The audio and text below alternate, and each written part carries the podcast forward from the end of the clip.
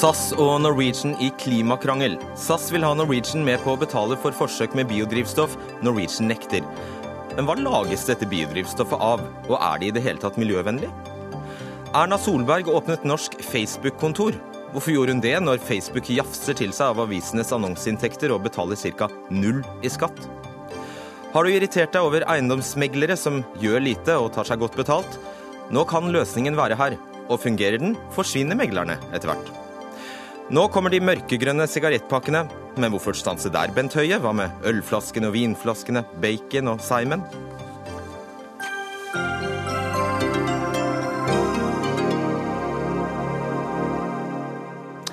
God kveld, dette er Dagsnytt 18 på NRK2 og NRK P2. Jeg heter Fredrik Solvang. Vi starter i lufta. Norwegian har økt klimagassutslippene sine med 1000% de siste ti årene, hevder SAS. Hver SAS-passasjer slipper ut langt mer CO2 enn hver Norwegian-passasjer, svarer Norwegian. Så hvilket av selskapene skader klimaet mest? Norwegian er faktisk ikke interessert i å redusere klimagassutslippene. Det hevder du, Eivind Roald, konserndirektør i eh, SAS, i en ytring eh, på nrk.no i dag. Forklar. Jeg tror nok eh, Norwegian er opptatt av å redusere klima. Men i SAS så er vi opptatt av å få hele bransjen i gang på å gå over til biofuel. Som vi mener er en av de løsningene som må til for å greie å redusere utslippene. Og Der har vi eh, gjort et eh, aktivt forsøk og har vært med i, eh, i, å drive fram disse alternativene som vi nå har, men vi opplever ikke at Norwegian har noe interesse. Og 21.4 så var Bjørn Kjos på en luftfartskonferanse i regi av regjeringen, hvor han rett og slett snakket ned biofuel som et alternativ. Og Det mener vi er en, et dårlig trekk i forhold til at vi som bransje må ta et ansvar sammen. Hva er det for noe? Biofuel? Det er et alternativ til da, den fossile eh, bruken vi har på flyene våre i dag. Og det vil det være mulig å fylle på flyene opptil 50% som, som så vil redusere da utslippene med hele 40 I dag så er dette ganske kostbart, men vi som bransje må være gå foran og begynne å investere i det. Og det er vel egentlig det vi er på jakt etter å få med Norwegian på også, at vi må gå foran. For når vi går foran, så kommer bransjen i gang med å produsere, og når produksjon kommer i gang, så kommer kostnadene for dette alternative fuelet ned, og da er vi i en riktig retning. Eh, du er så langt inn i bransjetermene, Eivind Roald. Jeg skal bare... Biofuel er altså det vi andre ville kalt biodrivstoff til eh, fly. Anne Sissel Skånevik, kommunikasjonsdirektør i Norwegian. Takker dere ja til denne invitasjonen? Ja, denne, Dette prosjektet som Roald snakker om, det er jo et Avinor-ledet prosjekt. Det er ikke et SAS-prosjekt. Eh, men det aller viktigste vi som flyselskap kan gjøre, det er å fornye flåten. Og det 1% innblanding på Gardermoen, som SAS nå snakker om, det er egentlig dessverre enn så lenge bare symbolikk. 99% er vanlig drivstoff. Eh, og jeg må jo si at det er relativt oppsiktsvekkende freidig at SAS å trekker på seg miljøhatten, samtidig som man har en av de mest forurensende flåtene i bransjen. Eh, og det tallet han viser til, er jo, det er jo bare SAS som kan regne på den måten. Det er jo ikke noe tvil om at Norwegian har mye lavere utslipp per passasjerkilometer enn det SAS har. Eh, og det er veldig sørgelig at vi må ha den type debatt, egentlig. Vi burde som bransje holdt oss for god for dette. Ok, La oss først ta dette med, med, med mm, biodrivstoffsatsingen. på på uh, foreløpig bare Gardermoen. Uh, Roald, det er også et uh, Avinor-prosjekt som dere og to andre flyselskaper nå har gått, gått med på å finansiere et forsøksprosjekt, kan man si. Og dere, saken dreier seg om at dere vil ha Norwegian med på dette. Dere ønsker altså at pengene som tas fra pengene dere betaler i CO2-avgift, skal øremerkes denne satsingen? Ja, Vi har foreslått overfor eh, regjeringen, eh, det er den samme for så vidt forslaget som NHO Luftfart, som er bransjeorganisasjonen vår, har foreslått, at det skal avsettes både CO2-avgiften og den eh, tilkommende flyskatten som da starter i morgen. At dette skal gå til et separat fond som kan bidra til å få produksjonen av biodrivstoff i gang. Det er den beste måten å få egentlig kostnadene ned på, og vi mener at det er på like linje med at vi har støttet elbil elbiler, så er dette en fin måte egentlig å få i gang også for luftfarten en reduksjon av CO2-utslipp. Jeg regner med du da er klar over at du innfører et helt nytt prinsipp i norsk eh, politikk, nemlig at eh, miljøavgiftene skal for, forbeholdes eh, miljøtiltak. 5,5 milliarder kroner for eksempel, av CO2-inntektene CO2 fra sokkelen må da øremerkes miljøformål, og ikke sy sykehus eller sykehjem eller skoler. Vi mener jo at man i større grad Vi betaler 500 millioner i eh, CO2-avgift. Det kommer til å eh, bli betalt 1,5 milliarder i den nye flyskatten som innføres i morgen. Vi mener at eh, dette bør gå tilbake til investeringer i klima, og ikke bare være en fiskalskatt, slik som både for så vidt Norwegian og vi har oppfattet det som fram til i dag. Så Anne Cecil Skånevik, eh, hvis dere mener at denne biodrivstoffutviklingen faktisk er, eh, er, bra, da kalles vel den oppførselen dere oppviser nå, rett og slett eh, Det kalles på godt norsk det kalles gratispassasjer? Nei, det er jeg ikke enig i. og Vi skal være de, som jeg sier, de første til å tanke eh, biodrivstoff. Men vi fokuserer på det vi faktisk kan gjøre noe med, og det er å gjøre noe med flåten. For det er det som virkelig betyr noe. Og Så skal vi også fylle biodrivstoff når det blir tilgjengelig fra produsentene. Men vi som flyselskap kan ikke påta oss rollen som utvikler av eh, drivstoff. Hvorfor ikke? Det må andre gjøre. Men vi fyller det drivstoffet, og det Hva sa du? Hvorfor ikke? Nei, Vi er et flyselskap. Vi lever av å fly passasjerer og ikke eh, produsere drivstoff. Men som jeg sier, vi skal være de første til å fylle drivstoffet når det er tilgjengelig. Eh, og I dag så er det jo heller ingen andre hva skal vi si, reelle insentiver fra myndighetshold for å redusere utslippene i luftfarten. Passasjeravgiften har ingen miljøeffekt. Det koster det samme med å lande med et nytt fly som et gammelt fly, og det er ingen straff for å fly rundt med Så du ber om straff? Seter. Og så, vi, og så, er vi, over på biodrivstoff. Og Det er fullt mulig å produsere, men kostnadene vil ligge høyere per i dag enn det som er forventet markedspris. Okay, så utfordringen nå blir å innføre økonomiske insentiver for både for etablering av biodrivstoff, og, og, det er en myndighetsoppgave og ikke noe vi som flyselskap kan løse. Vi må holde eh, fokus på det vi kan gjøre noe med, og der er det flåten som virkelig betyr noe. Litt dårlig linje til deg her, Skånevik. Det jeg spurte om var, siden du, du sier at det ikke finnes noen reelle reelle insentiver fra myndighetshold i dag eh, til å begrense utslippene fra luftfarten. Så da, mener, så da regner jeg med at det du egentlig gjorde nå, var å etterspørre straff og insentiver.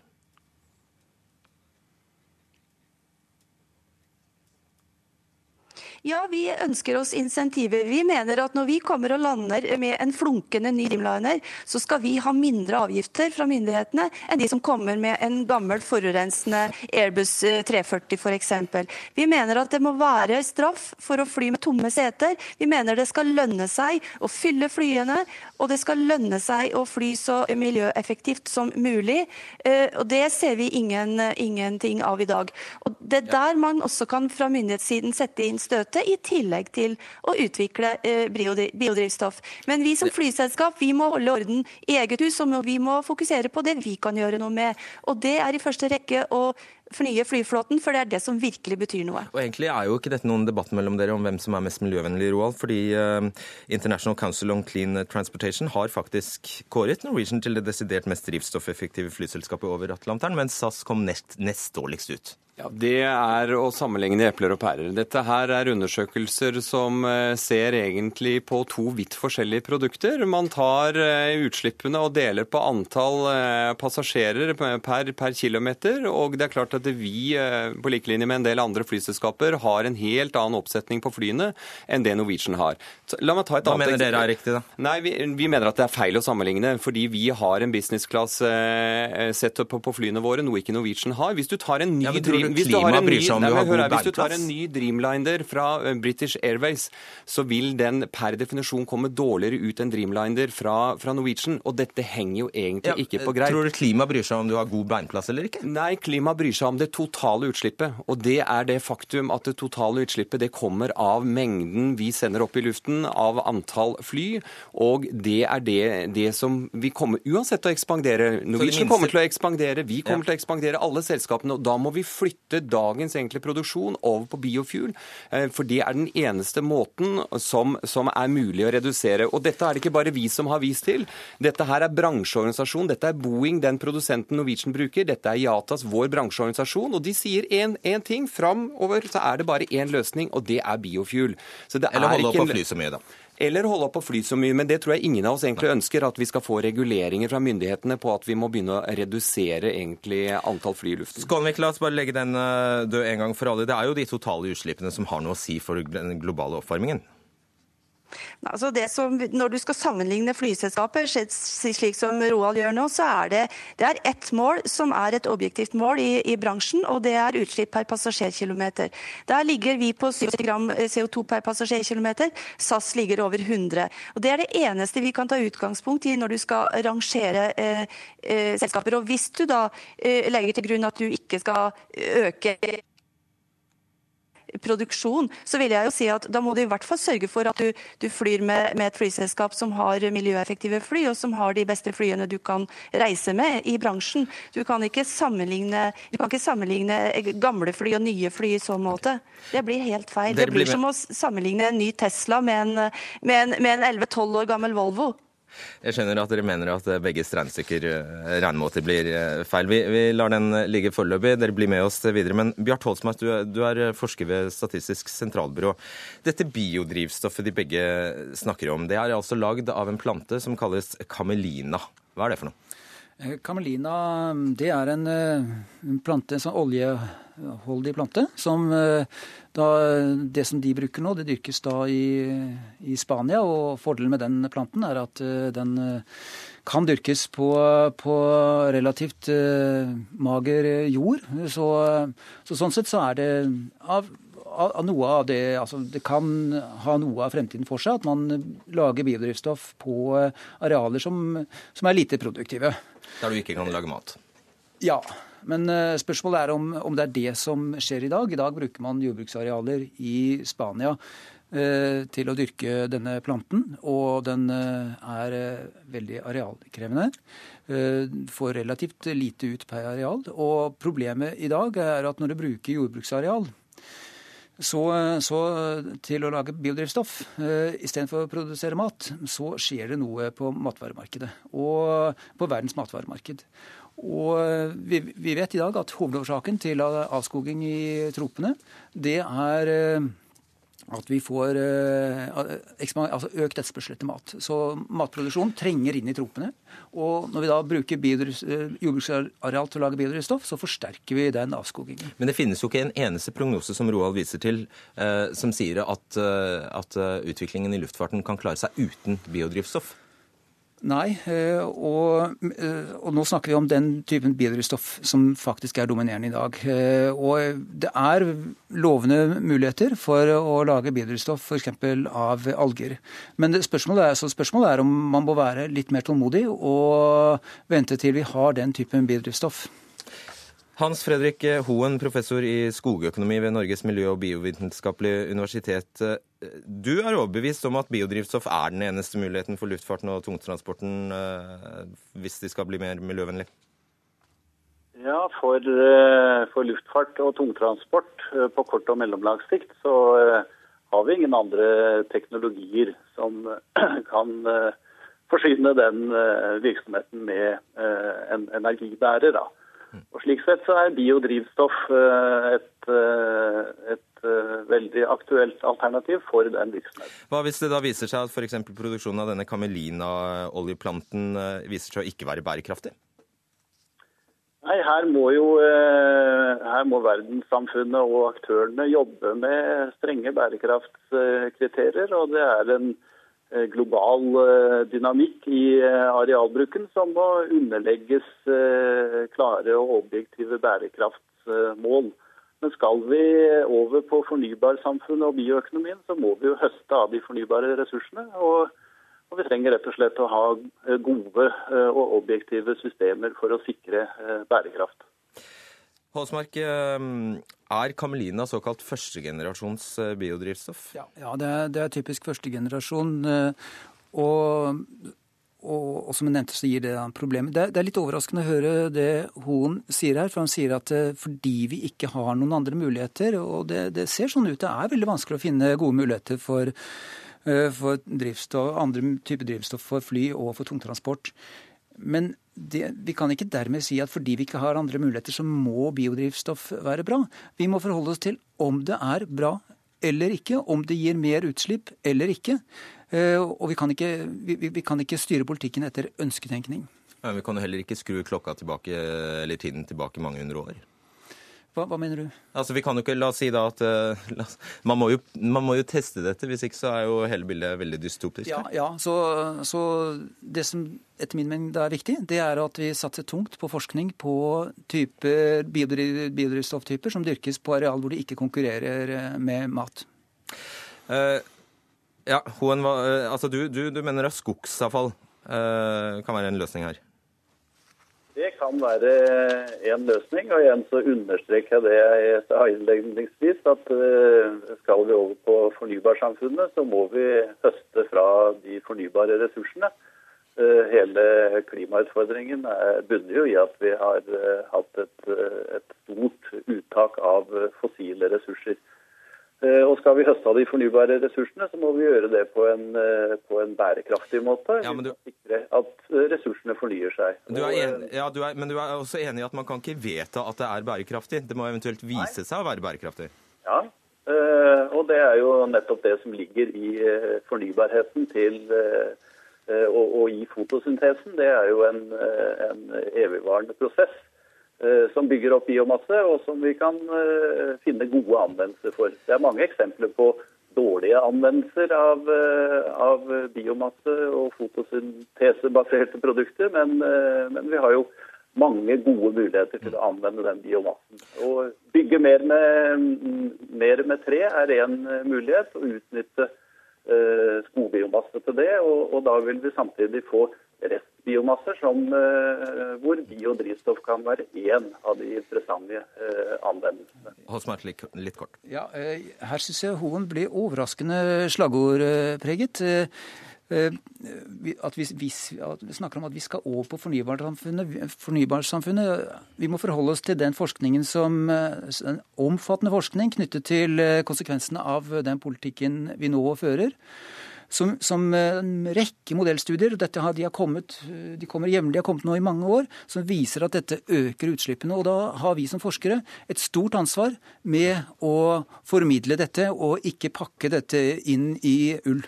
Anne Sissel Skånevik, dere har, dere har kalt dette forsøket med biodrivstoff for symbolpolitikk. Ble du mer eller mindre overbevist om det etter dette? Nei, altså Det vi vet eh, per i dag, det prosjektet som vi snakker om, det har altså 99% helt vanlig eh, flybensin, og så har du 1% innblanding. Og Jeg tror uh, denne diskusjonen nå også viser at det er ikke så rett fram og så enkelt som man kanskje tilsynelatende skulle tro. Det må forskes, og det må være ekspertise som jobber med dette. Og, og jeg tror at det er klokt at vi som flyselskaper konsentrerer oss om det vi kan, nemlig å fly passasjerer. Og så får vi heller stille oss ved pumpene og fylle biodrivstoff biodrivstoff når det er eh, klart. Men, eh, men, denne debatten viser jo også litt det som, som du nå var inne på. Det, det, er ikke en enkel fasit. Og Roald, eh, hvorfor skal du tvinge Norwegian med på en dugnad som alle de andre flyselskapene slipper å være med på? Nei, Vi ønsker ikke å tvinge noen med, men vi mener at vi må stå opp og ta vårt ansvar. Og vi må gå foran og signalisere at vi er villige til å være med å teste dette ut. Og det hjelper ikke for de som ønsker å produsere og være med å produsere biomasse, at vi går ut og sier at det ønsker vi ikke å være med på. Så jeg mener at her må vi som bransje også ta et sterkere grep, og ikke bare stå og vente på at det kommer noe på pumpene. Og dere representerer en bransje som er en av de verste utslipps, uh, utslippsbransjene i verden. 2,5 sies det at uh, verdens utslipp skyldes uh, luftfarten. Ja, og Derfor så må vi sammen ta grep. Yes, Takk skal dere ha, Eivind Roald, Anne Sissel Skånevik, Bjart Holsmark og Hans Fredrik Hoen. Dagsnytt 18 alle hverdager kl 18.00 på NRK P2 og NRK2.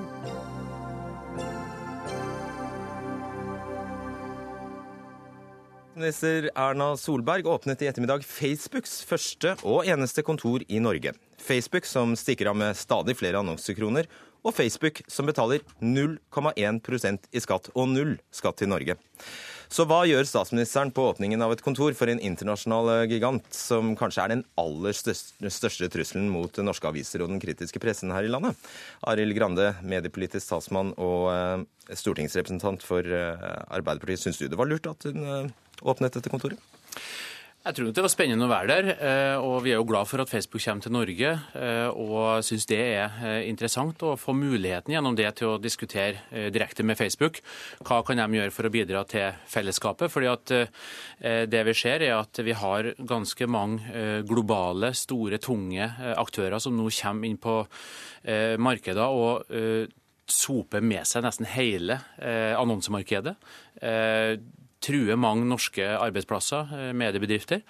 Eh, og i tillegg så betaler de eh, ikke skatt til det norske samfunnet. Så i den frie konkurransen så vant Facebook? Det blir litt sånn the winner takes it all på det markedet her. Og i den situasjonen så hadde vi jo skulle ønske at i hvert fall statsministeren benytta anledningen til å ta opp slike ting. Og si at ja, det er veldig bra at dere er her. Vi syns at det er fantastisk utvikling det vi ser på dette markedet.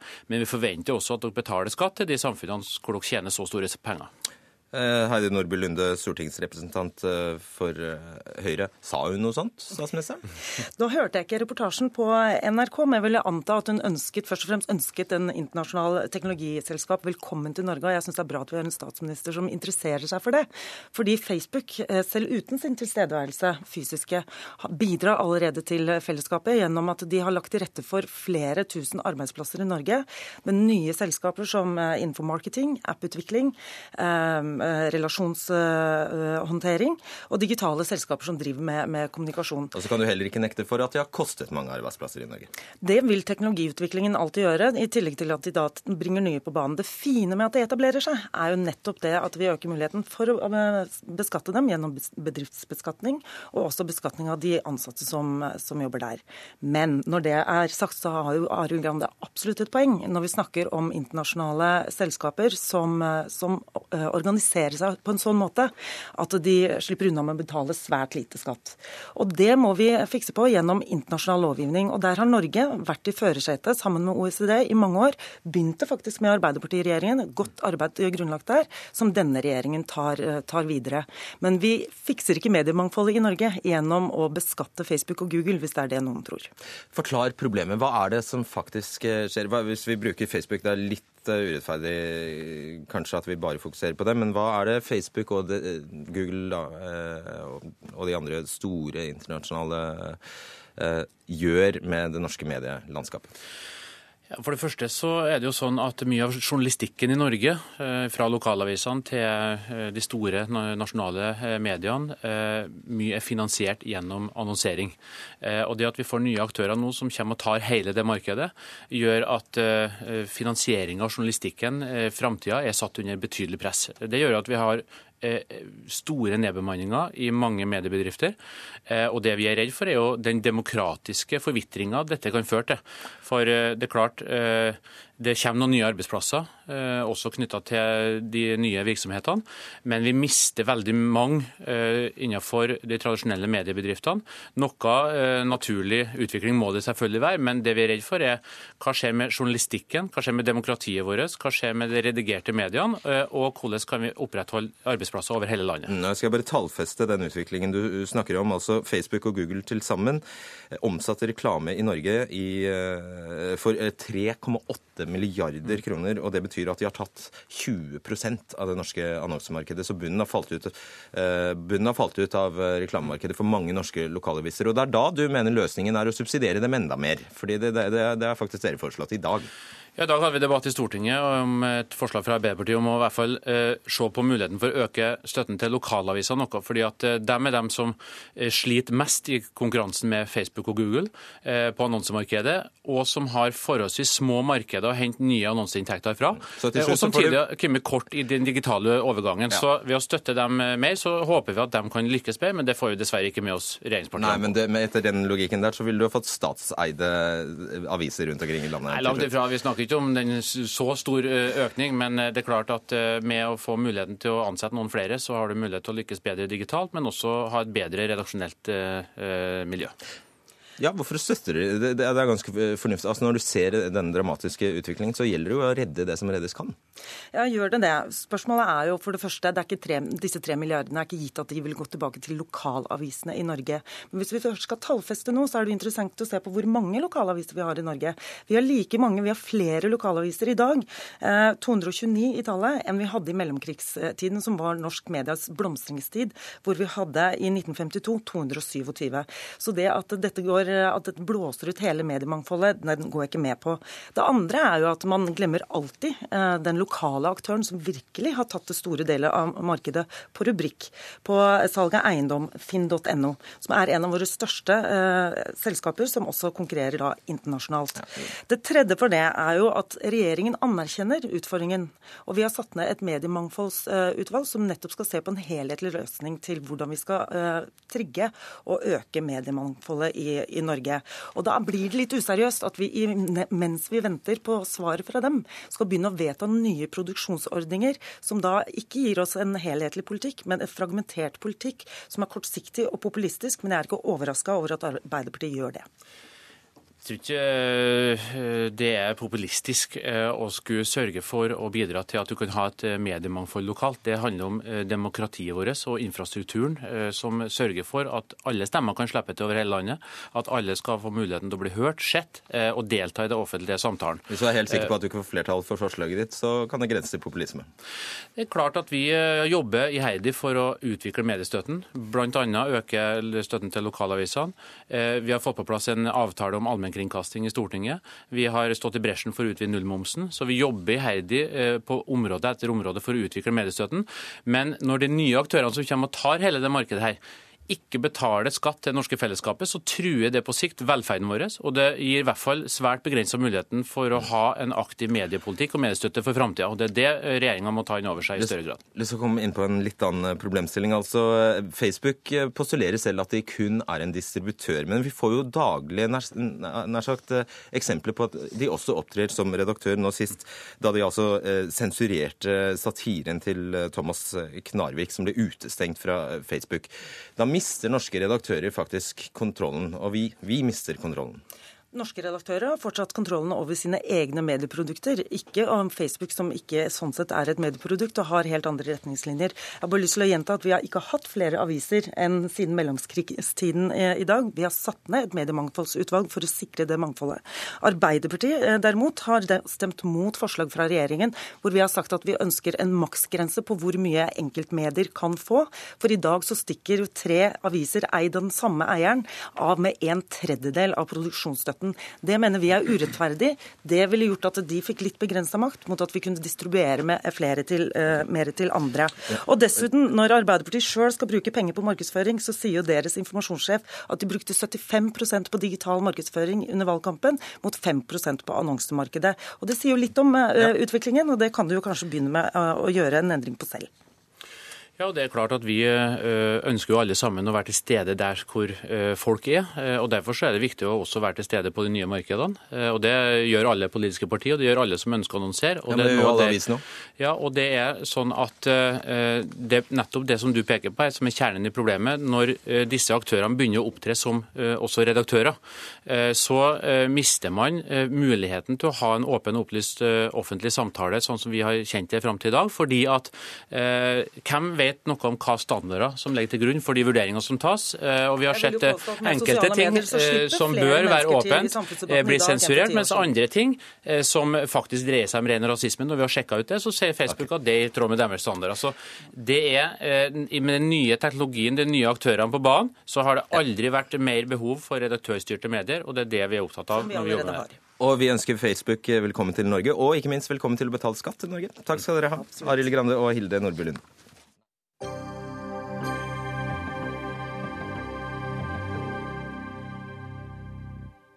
Heidi Nordby Lunde, selvfølgelig.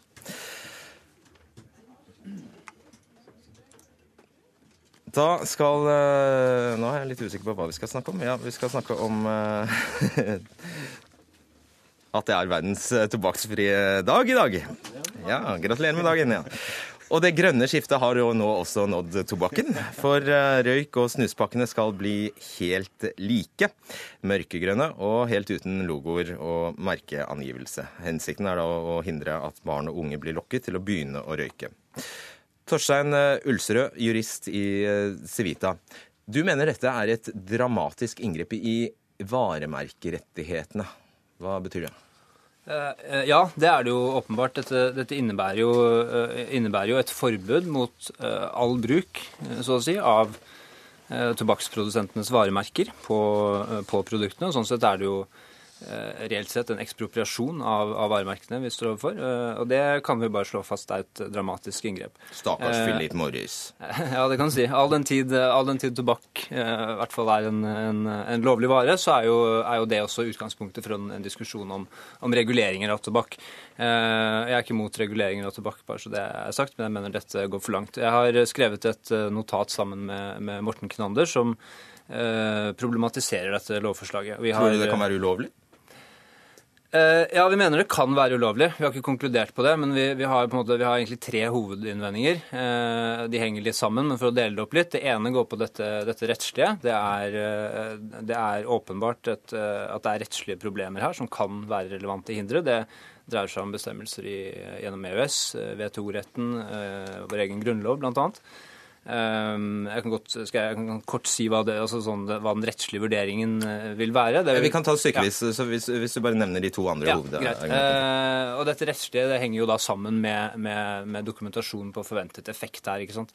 Hva, hva, man kan forvente å oppnå. Den mener vi er, er, mangelfull. Man kan kort oppsummert i beste fall håpe på en, en minimal positiv effekt. Eh, og så er det, eh, er, det, er det, selvfølgelig slik at dette jo helt klart er et illiberalt eh, forslag. Det er og kler en høyremann dårlig. Ja, du kan si det er klassisk formynderpolitikk i sosialdemokratisk eh, stil. Ålreit, her var det mye. Helse- og omsorgsminister Bent Høie fra Høyre. Det er vel sant som eh, Ulsrød sier. Du innfører et ganske så nytt eh, prinsipp i Norge, nemlig at staten kan frarøve enhver bedrift og enhver produsents rett til eget merkevare. Ja, men dette er ikke enhver virksomhet og ethvert produkt. Dette er tobakk, og tobakk er regulert i den internasjonale tobakkonvensjonen. Og fullt lovlig. Og dette tiltaket er lovlig. Det eh, eh, har med, har med, tobakk er fullt lovlig? Det det. Tobakk er fullt lovlig, men eh, tiltak er fullt lovlig. fordi det som er vesentlig, er jo om dette er et inngrepen som står i forhold til den folkehelseskaden som tobakk eh, fører til, og det er det. Det har eh, den engelske og walske domstolen eh, nylig slått fast i en dom av 20. mai. Det har den australske høyesterett slått fast. Eh, det er òg gått gjennom i EU-domstolen. Og i Sverige krever det grunnlovsendring, ja, så så dramatisk er det. det. Men det er fordi at Sverige har en annen formulering knytta til denne type spørsmål eh, enn det som er i den norske grunnloven. Så det er en særsvensk eh, problemstilling som, som, som ikke vil gjelde for. Sånn at jeg har nok litt større tiltro til disse både Høyesterett i Australia, en veldig høy rett i Storbritannia og, og EU-domstolen enn det jeg har okay. til disse to erværende juristene i, i, Norge på dette området. Du har bare lest deg dårlig opp, Ulstrøm. Ja, altså det, det, det, det, er riktig at er vi har ikke konkludert på om dette er lovlig eller ulovlig, som sagt. Og Høie er inne på det som er liksom problemstillingen her, sånn i litt ulike varianter i, i disse ulike bestemmelsene som, som gjelder her, men, men, det er en sånn forholdsmessighetsvurdering. Dette, man, det kan være lov å gjøre inngrep, og dette er åpenbart et inngrep i etablerte rettigheter, altså nemlig varemerkerettigheter. Mm. Det kan være lov av hensyn til folke, folkehelsen hvis det er forholdsmessig og nødvendig, og da må man dokumentere effekten. og der og Det, har man, det er nå med over på punkt to, og ja, effekten er godt dokumentert. Australia, eh, Forskere fra Australia har vært her og lagt fram resultater i dag.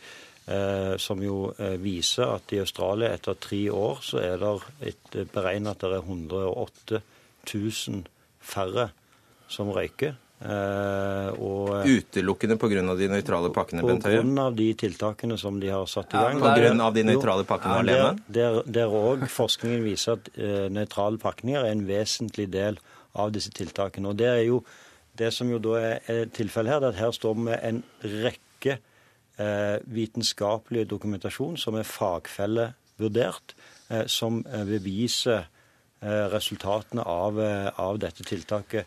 Og Det er jo nettopp den dokumentasjonen som òg ble lagt fram for domstolen i Storbritannia, som òg konkluderte med at den dokumentasjonen som ble lagt fram fra den andre siden, eh, gjorde myndighetene rett i å ikke legge særlig vekt på pga. tobakksindustriens punkt én eh, dårlig historie på dette området. Punkt to eh, rett og slett eh, manglende gjennomført manglende kvalitet på dokumentasjon. Du hevder da, Ulsrød, til dette at uh, det, Bent Høie har ikke lagt fram noen annen dokumentasjon enn at den totale mengden av studier er tilstrekkelig til å kunne trekke konklusjoner om at tiltaket vil kunne ha effekt. Ja, Det er konklusjonen i høringsnotatet til uh, departementet. Den koker ned til det. Det er mulig det har kommet noe mer etter dette, men, men, uh, men i alle tilfeller så står vi, uh, står vi overfor det at når, de, de, studiene fra Australia som det vises til her, der er det jo, som du så vidt berørte, et problem at dette tiltaket med plain packaging har kommet sammen med en rekke andre tiltak. Så det å på en måte isolere effekten av akkurat dette tiltaket, det er vanskelig. Men la oss nå likevel forutsette da, at, at, dette tiltaket isolert sett har, har en effekt. Eh, da er det altså i beste fall en, en, en, en liten effekt vi kan snakke om, og det er et, et tilleggsproblem her. og det er at Dere overfører disse studiene som er gjort på røyking i andre land, Eh, til snus eh, i Norge og en forventet effekt på snus. Og det La oss kan man ikke blande snus, er du Jo, for det er viktig, for det kan man ikke uten videre gjøre. og Det er, det er et av de større, største problemene. Det er kanskje det mest uvitenskapelige med den tilnærmingen. Ja, men jeg har tenkt å tvinge dere til ikke å snakke om snus akkurat, akkurat nå. Altså, okay. når, du, når, du, viser til forskning i, USA, nei, i Australia, Bent Høie, så er det sånn at jeg har snakket med Carl Erik Lund, forskningsleder ved, ved Sirius i dag. Han sier at det finnes ikke to streker under dette svaret. Det er kun snakk om indikasjoner og sannsynlighetsovervekt og at det ikke er et robust og et uh, konsistent resultat fra Australia. Man kan ikke med sikkerhet vite at det ene har ført til det andre. Jo, altså Den dokumentasjonen som er lagt fram for Australia, er veldig tydelig. Ja, men hørte du hva jeg sa? Ja, ja, men jeg er uenig med han i det. det er du uenig med fors i forskningen ja, ja. nå, plutselig? Eh, jeg er uenig med Karl Lund i den eh, argumentasjonen, fordi eh, den dokumentasjonen fra Australia er entydig. Og det er òg den dokumentasjonen som lå til grunn som bevisførsel fra de britiske myndighetene når den britiske domstolen kom til at dette er et tiltak som forholdsmessig eh, er riktig. Nettopp pga. tiltakets effekt og betydning for folkehelsen. Så, altså, Men hvor stor er effekten da, i beste fall, kan du si det? Hvis man altså, baserer seg på disse studiene? I, I, beste fall så ser en jo at uh, i, i, i, Australia har en hatt en betydelig nedgang i, røyking. Uh, og den uh, ene studien viser at dette har en effekt på Men det har jo vært en nedadgående kurve i lang, lang tid før det dette her tiltaket? Riktig, men det er nettopp dette som er neste steg i bekjempelsen av tobakk. Eh, og det som er hovedhensikten med dette tiltaket, er jo nettopp å gjøre tobakksproduktene mindre attraktive for ja. Eh, ungdom. Og så diskuterer vi om det vil ha effekt eller ikke, og, om det er forholdsmessig. Sånn. Den andre viktige gode effekten som vi kan bevise på, det er noe så enkelt som sånn. Det høyere tobakksindustrien skriker, det større sannsynligvis har eh, tiltak effekt, og her skriker tobakksindustrien høyt. Det er jo ja, ja. Det er jo ikke akkurat noe argument, da. Jo, det er et veldig godt argument. Det er ikke et argument. For å si Nei, men det som er litt rart, Ulsrud, er jo at dere i Civita bruker tid og penger på å beskjeftige dere med en problemstilling som uh, dette her, når altså hva er det, 6600 norske menn og kvinner dør årlig av uh, tobakk. Har du, ikke, har du ikke mer fornuftige ting å drive med? Jo, det kan du si. Eh, jeg syns det er mer relevant å spørre om ikke helsemyndighetene har mer fornuftige ting å drive med. Nei. Eh, men bare, bare, så det er sagt, vi er, vi er, vi er ikke motstandere i Civita, verken jeg eller Morten Kunander, av eh, regulering av tobakk. Vi er ikke motstandere av avgifter, aldersgrenser, reklameforbud osv., men det går likevel an å mene at dette går for langt. ikke sant? Og det, og det, eh, Hvis vi kan gå litt videre til det som jeg kanskje mener er det mest interessante i den, eh, den debatten, her, nemlig ikke om dette er lovlig, eller om man, om man kan, kanskje kan komme til det, eller om det har en viss effekt som det eh, kanskje også har da en, i beste fall en liten okay, usikker effekt. Ja, det, er, eh, det er jo at dette for det første er, er, er illiberalt, som sagt. Det er, det er, litt, det er litt underlig at dette kommer fra en, en, en, en Høyre-statsråd. Det er detaljstyring av folks hverdagsliv. Og, det er, uh, og det er, vi begynner å gå ned på totalnivå, som er ganske absurd hvis man leser Høyres-notatet. Og så er det en, sånn, liksom mer sånn pragmatisk innvending at, uh, som går på dette om man ikke har bedre ting å drive med,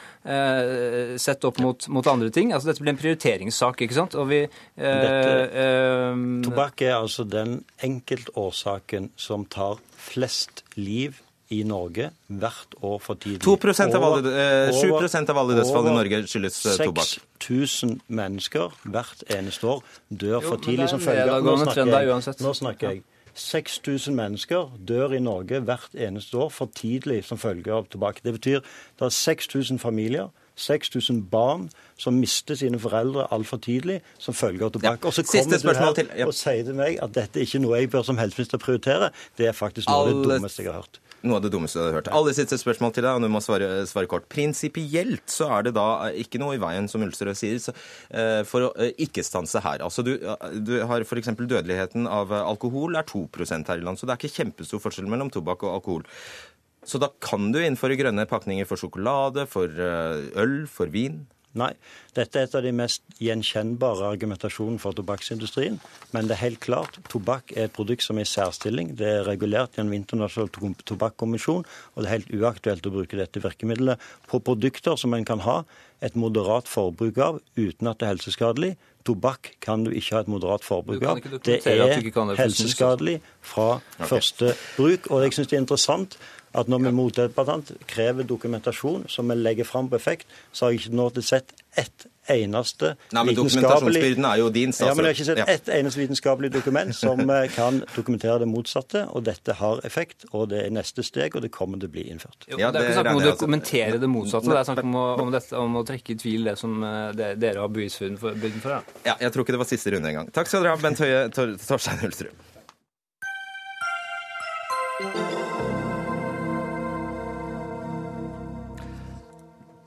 Jeg må bare se meg rundt hvem det er som er på besøk. Sånn, ja.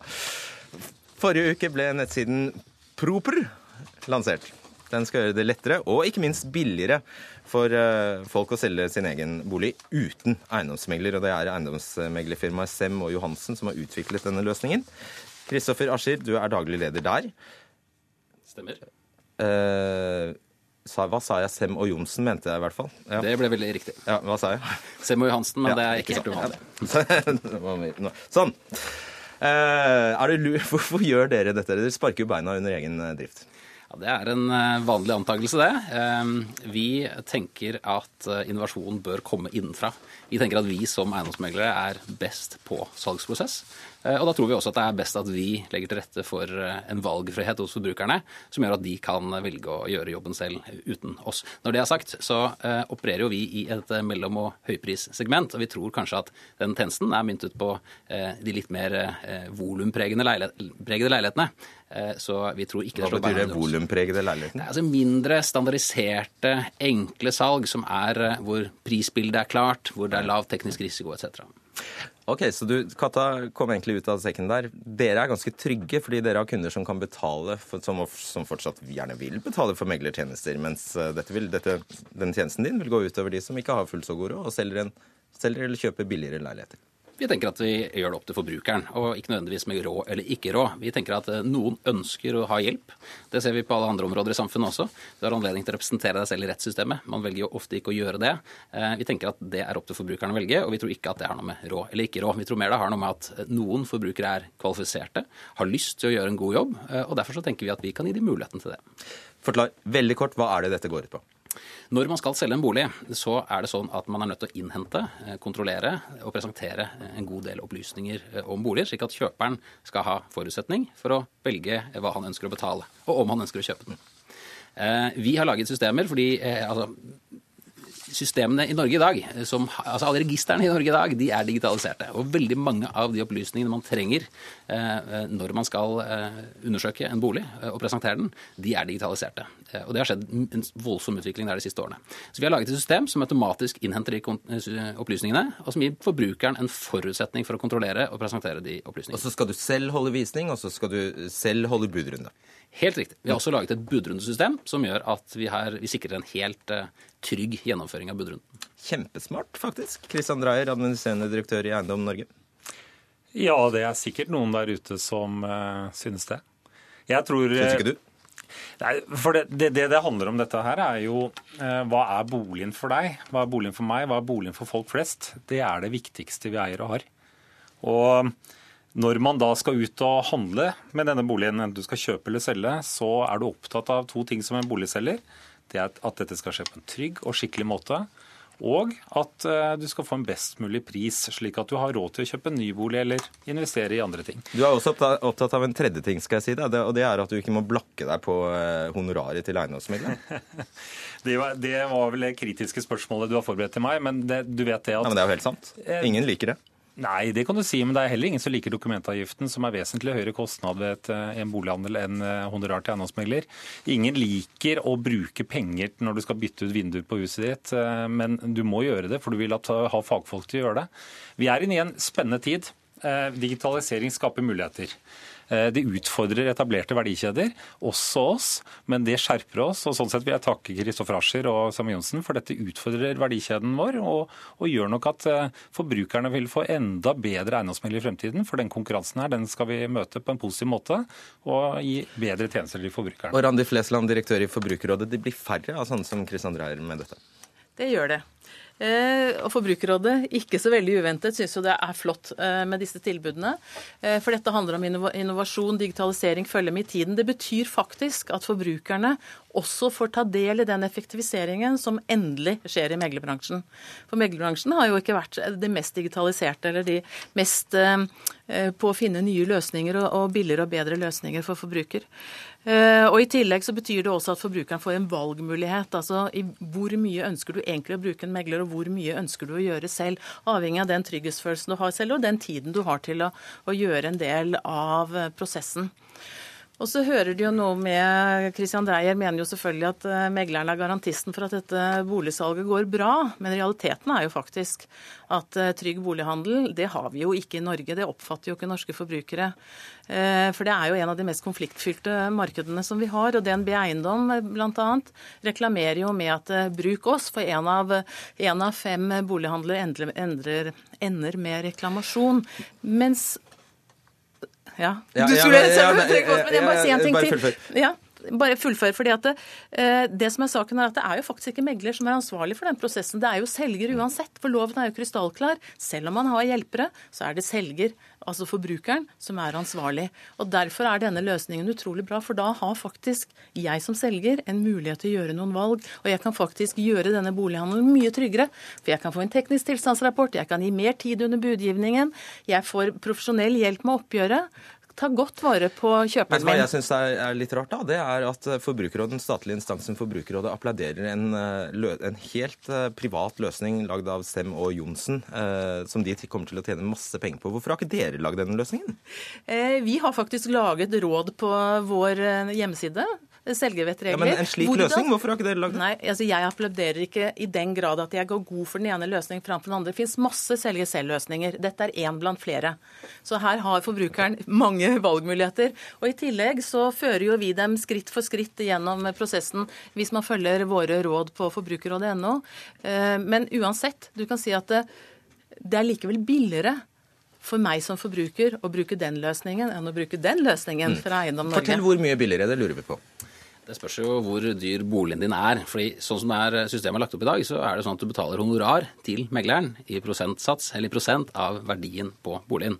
Så Sånn sett er det litt vanskelig å gi et veldig tydelig svar på det. Det jeg kan gi deg et veldig tydelig svar på, det er jo hva tjenesten koster.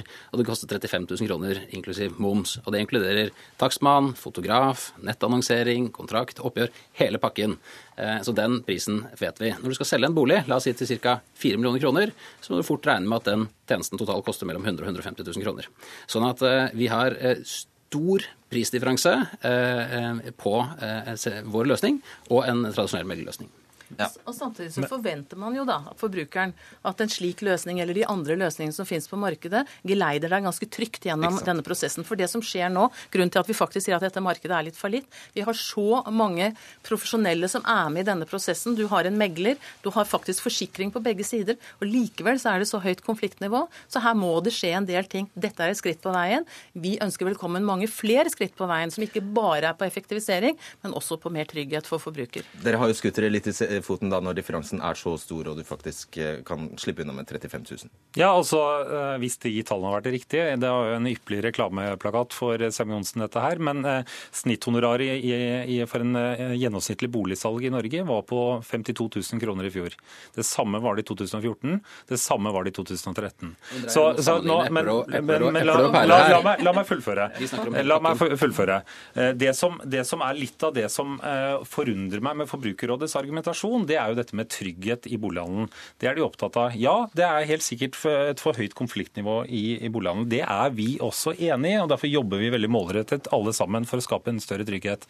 Men hvis ikke det hadde vært en trygghet i å bruke eiendomsmegler, hvorfor har da Forbrukerrådet støtte også eh, lovgiver eh, et femårig krav for å være ansvarlig megler? Kristoffer og jeg har tatt den utdannelsen. Tre år bachelorutdannelse, to års praksis for å kunne jobbe som ansvarlig megler. Det hadde vært helt unødvendig hvis ikke man faktisk fikk en verdi tilbake med å bruke Svar veldig kort på det. Det var veldig rart. Nei, men Det er veldig bra med kompetanse. og Tilsvarende så ønsker vi på takstmennene at det også skal være en beskyttet tittel og være en kompetanse som er velkjent.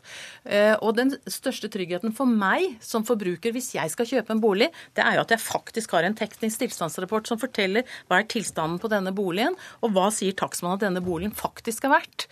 Det er jo det viktigste for meg for å vite hva det egentlig er jeg kjøper så jeg ikke kjøper katta i sekken. Og det har jo Eiendom Norge jobbet imot. Så det er klart det er at her, er det mange, her er det mange interesser som står mot, står mot hverandre. Så profesjonalisering rundt bolighandel, det er vi svært opptatt av. Men digitalisering er også en del av fremtiden. La oss kalle det informasjon, ikke reklame. Takk skal dere ha, Randi Flesland, Christian Dreyer og Kristoffer Ascher. Hør Dagsnytt 18 når du vil. Radio NRK Radio.nrk.no.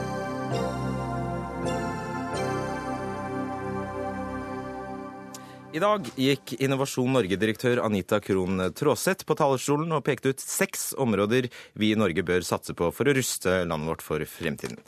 Bioøkonomi, ren energi, havrommet, helse, kreative næringer og smarte byer er alle områder som Innovasjon Norge har tro på. Og Krohn Traaseth, direktør i Innovasjon Norge. Hva slags planøkonomisk opplegg er dette her, der du skal peke ut seks områder som Norge skal satse på? Og dette tror jeg det er viktig å gjøre veldig klart. Det er ikke Innovasjon Norge som peker ut disse seks områdene. Dette er et resultat av en brei mobilisering i hele landet på tvers av alle næringer og på kontorene våre ute internasjonalt, hvor de har kommet med tilbakemeldinger med hva de holder på med, hvilke næringer de bryr seg om, og hva de mener er vekstpotensialet for landet. En oppsummering av alle disse innspillene har gitt oss disse seks mulighetsområdene som Innovasjon Norge kommuniserer videre. For vi har fått det i oppdrag av regjeringen å gi gode råd, innovasjonspolitiske råd om hva er det som faktisk skjer, og hvor er det man trenger å tune inn virkemidlene. Ja, det vil jo følge penger med, så det har jo en hensikt, dette her. Absolutt, og det er jo en av de store budskapene vi sa nå. fordi poenget er at det er ikke mer penger. Pengesekken er knytta igjen. Vi må gjøre noen store omprioriteringer hvis vi skal klare å bygge f.eks. ny industri og arbeidsplasser rundt helse. Ok. Per Valbrokk, redaktør i E24. Hva burde Anita Krohn Traaseth ha sagt på talerstolen i dag? Nei, Hvis det var helt opp til meg, så, så burde hun sagt at uh, det er bedre måter å bruke disse pengene på. Tusen takk for meg, og her er pengene tilbake. Kort tale. Kort tale, det... Jeg skulle sagt opp med andre ord. Men nå er det jo engang sånn at Anita Krohn Traaseth har fått eh, dette ansvaret av, eh, av regjeringen, eller av sine eiere. Det er jo flere eiere av Innovasjon Norge.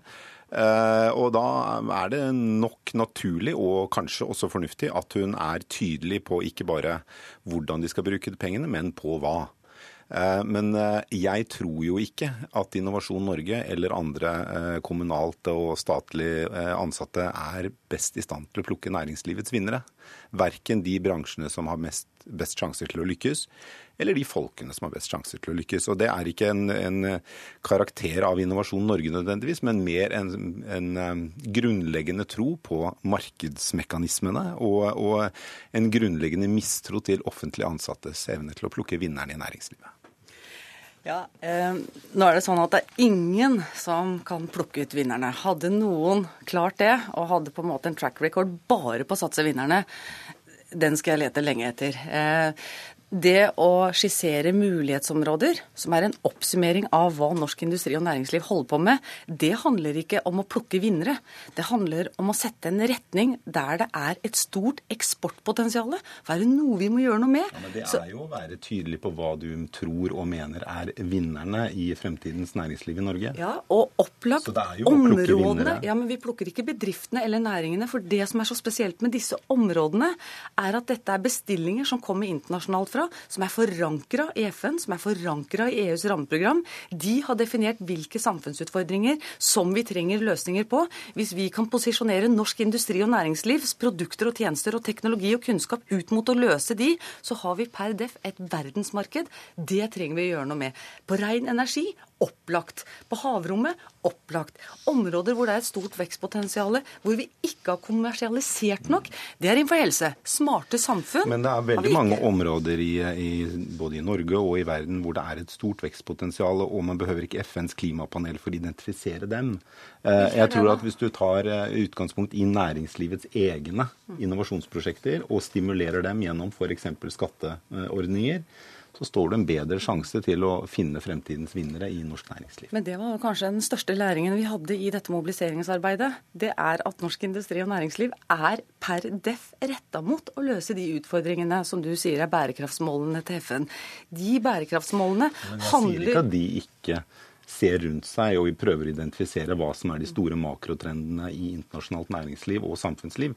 Det er klart de gjør det. Hvis ikke så ville det jo vært en stor unnlatelsessynd. Mm. Poenget mitt er jo at jeg tror ikke du er best egnet til å, å hjelpe næringslivet med det. Men, men eh, det handler jo om rollen. Eh, din vurdering om jeg er egna eller Innovasjon ja, Norge er egna eller ikke, den, den kan ikke jeg ta.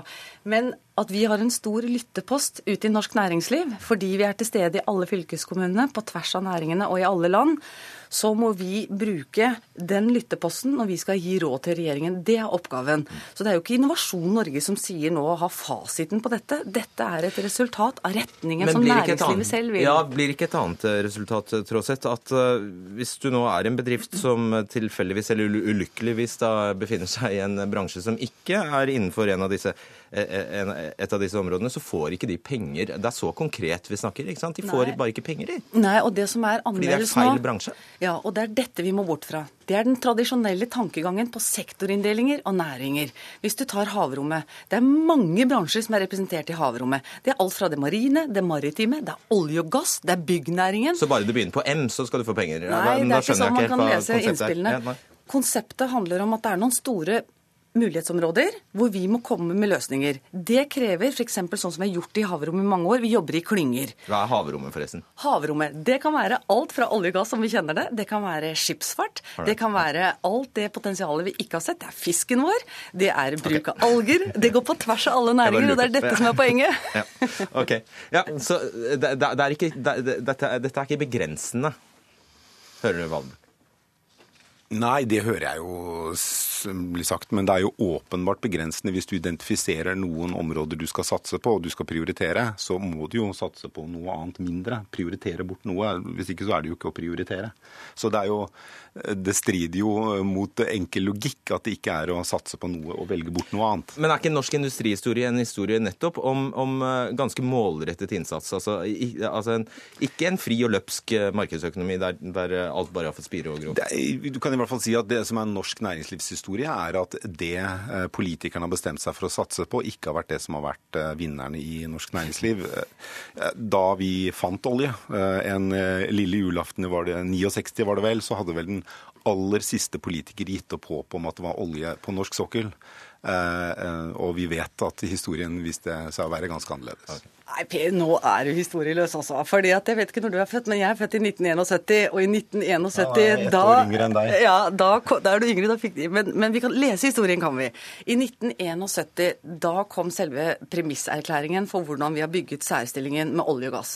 Det var de ti oljebudene. Nei, de kom i 1972, samme dag som Statoils øh, Nei, Statoil ble starta i 1902. Vel, la oss ikke krangle om disse tingene. Men det at ikke noen har vært nasjonale strateger i dette landet og sørget for at både politikken Absolutt. vår og virkemidlene har gjort at vi har blitt den særstillingen som olje og gass, det syns jeg er å undervurdere Nei, de skuldrene vi står på. Men de ti oljebud, Statoil, som begge ble vedtatt i det skjønne år 1972, de er ikke et resultat av en villet innovasjonspolitikk, men en politisk styrt forvaltning av en kollektiv grunnrente. En ressurs som tilhører hele det norske samfunnet, ikke en retning, politisk eller på annen måte. Det skal vi satse på, det skal vi ikke satse på. Men sånn er det med all Så er innovasjon. ikke sånn er det med all innovasjon. For det var ikke norske forskere som mente at det var, var olje i vårt hav. Det var andre som mente det. Men når vi først sto der, da, etter å ha vært kritiske og sier at internasjonale forskere ikke kan noen ting, da klarte norske byråkrater å snu seg. Da klarte norsk Absolutt. næringsliv å snu seg. Men det handler- det ja, men ikke om konteksten er annerledes nå. Jo, nei, jeg syns du undervurderer historien. Ja, Greit, vi lar det være, vi lar det være punktum, og så inviterer tilbake om 60 år for å se hvordan det gikk. Om 60 år. Takk skal dere ha. Denne sendingen er over. Dag Dørum hadde ansvaret, Lisbeth Seldreite var teknisk ansvarlig, og jeg heter Fredrik Solvang. God kveld.